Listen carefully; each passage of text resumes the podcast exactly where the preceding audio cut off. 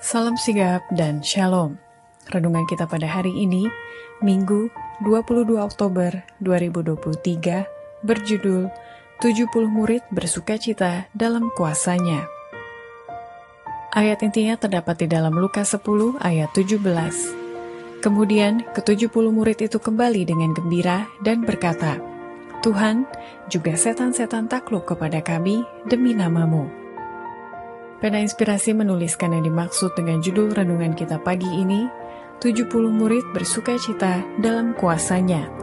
Adalah sebuah panggilan kehidupan yang praktis agar kita senantiasa tetap berusaha untuk menjadi orang yang bahagia sebagai faktor yang menunjang kebahagiaan sejati dan sarana untuk memulihkan hubungan kita secara vertikal kepada Tuhan dan horizontal dengan sesama sebagai berikut.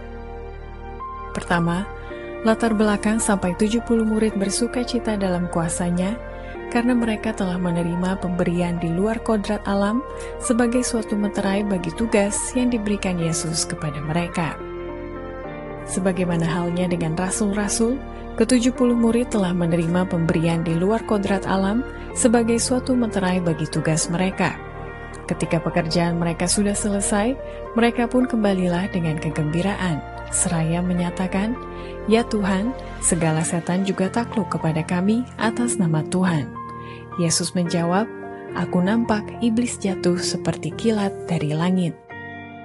Kedua, latar belakang sampai 70 murid bersuka cita dalam kuasanya, karena pertama-tama Justru mereka mengunjungi kota-kota Samaria dalam tugas pelayanan itu dan mendapati bahwa banyak orang Samaria sudah bersedia menerima Yesus dan mendengar perkataan pujian mereka bagi Kristus atas perbuatan kemurahannya bagi bangsa mereka. Petunjuk yang diberikan kepada ke-70 murid ini serupa dengan petunjuk yang telah diberikan ke-12 murid tetapi perintah kepada kedua belas murid, yakni jangan memasuki suatu kota orang kafir dan orang Samaria, tidak diberikan kepada ketujuh puluh murid. Meskipun Kristus baru saja ditolak oleh orang Samaria, namun kasihnya terhadap mereka tidak berubah.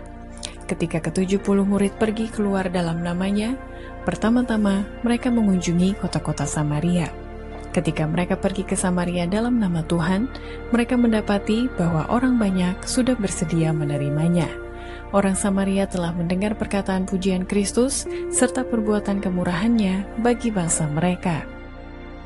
Ketiga, latar belakang sampai 70 murid bersuka cita dalam kuasanya karena roh kudus sedang mempengaruhi pikiran mereka sebagai tempat perlindungan bersama Allah, serta menuliskan kebenaran di atas loh jiwa mereka.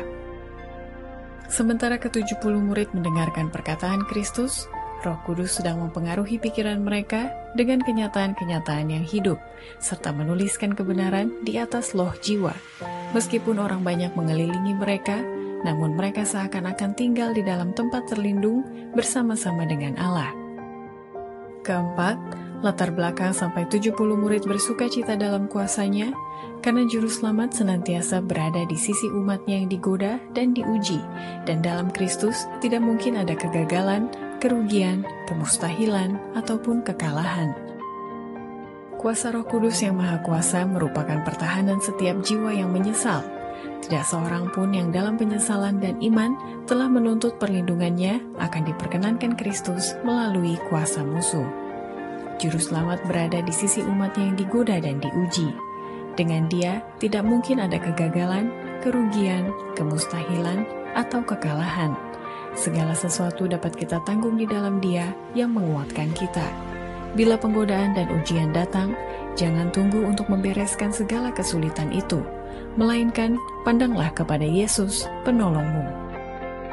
Kelima, latar belakang sampai 70 murid bersuka cita dalam kuasanya, karena dengan kemenangan Yesus di atas salib Golgota, maka setiap orang yang percaya kepadanya akan menerima atau memiliki kuasa kemenangan yang sama daripadanya. Sejak saat ini, para pengikut Kristus harus memandang kepada setan sebagai seorang musuh yang sudah dikalahkan. Di atas salib, Yesus mendapat kemenangan bagi mereka. Ia menghendaki agar kemenangan itu mereka terima sebagai milik mereka sendiri. Ingatlah, katanya, Aku memberi kamu kuasa memijak ular dan kala jengking, dan kuasa atas segala kekuatan musuh, maka suatu pun tiada yang memberi bahaya kepadamu. Demikianlah renungan kita pada hari ini, kiranya Tuhan memberkati kita semua.